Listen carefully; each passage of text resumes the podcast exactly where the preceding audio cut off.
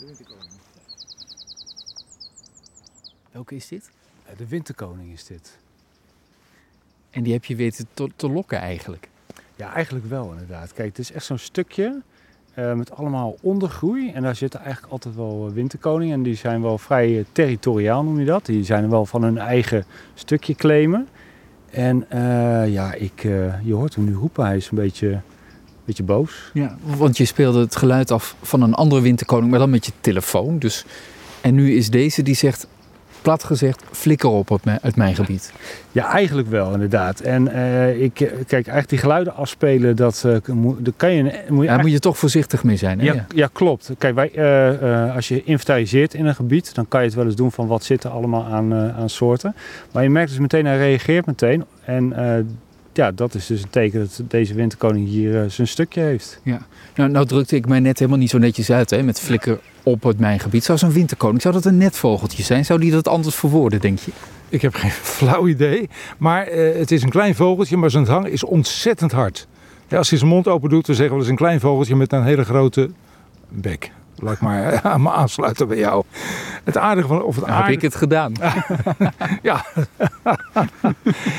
Het aardige, of aardige is eigenlijk niet zo aardige. Winterkoninkjes die zijn heel slecht bestand tegen de winter. Hè? Uh, beetje typisch dat ze winterkoning heten. Daar zit een heel verhaal aan vast, maar dat doet er nou niet toe. Maar ze hebben een uh, fijn snaveltje. Ze eten vooral insecten.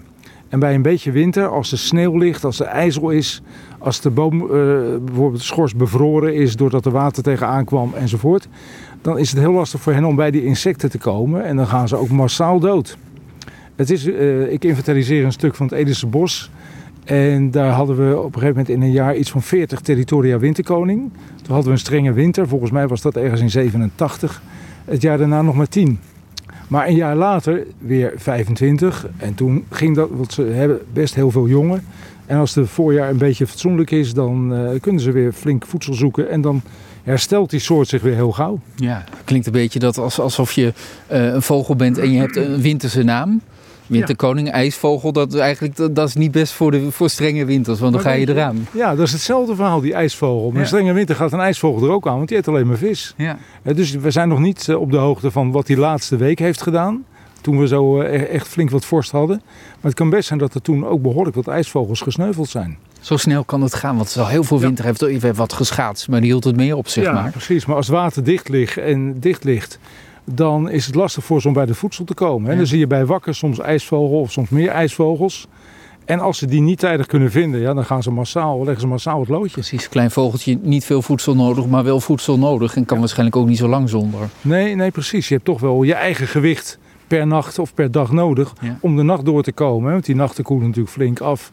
Maar ook de ijsvogel weet zich heel snel te herstellen. Grote broedsels, ze broeden in, uh, in, in holen. Dus veilig voor, uh, voor vijanden.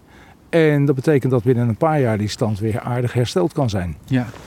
Afkortingen en vogelaars, dat is wel iets hè? Ja, dat is wel een dingetje inderdaad. Dus een KBV'tje? Ja, een KBV'tje, klein bruin vogeltje inderdaad. Een KBK-veetje?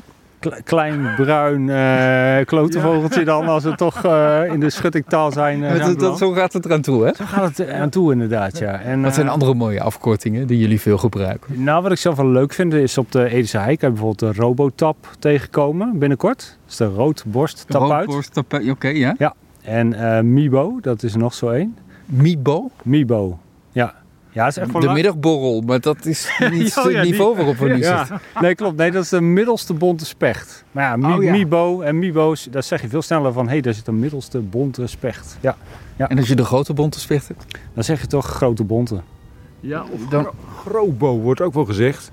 Maar het merkwaardige is, bij een kleine bonte specht wordt dat niet afgekort. Ja. Ik heb nee, dan heb je de klobo. En als die dan een beetje zit, de bol zit te verpesten, dan zeg klojo. Wordt het dan natuurlijk zoiets. Ja. dit is leuk, al die afkortingen. Ja.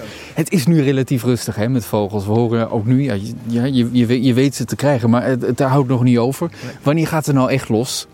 Nou, toch wel. Kijk, hangt wel een beetje van het weer af. Maar als het nou de komende tijd uh, zacht uh, blijft, uh, dan heb je kans dat het gedurende januari wel begint. En in februari gaat het echt los.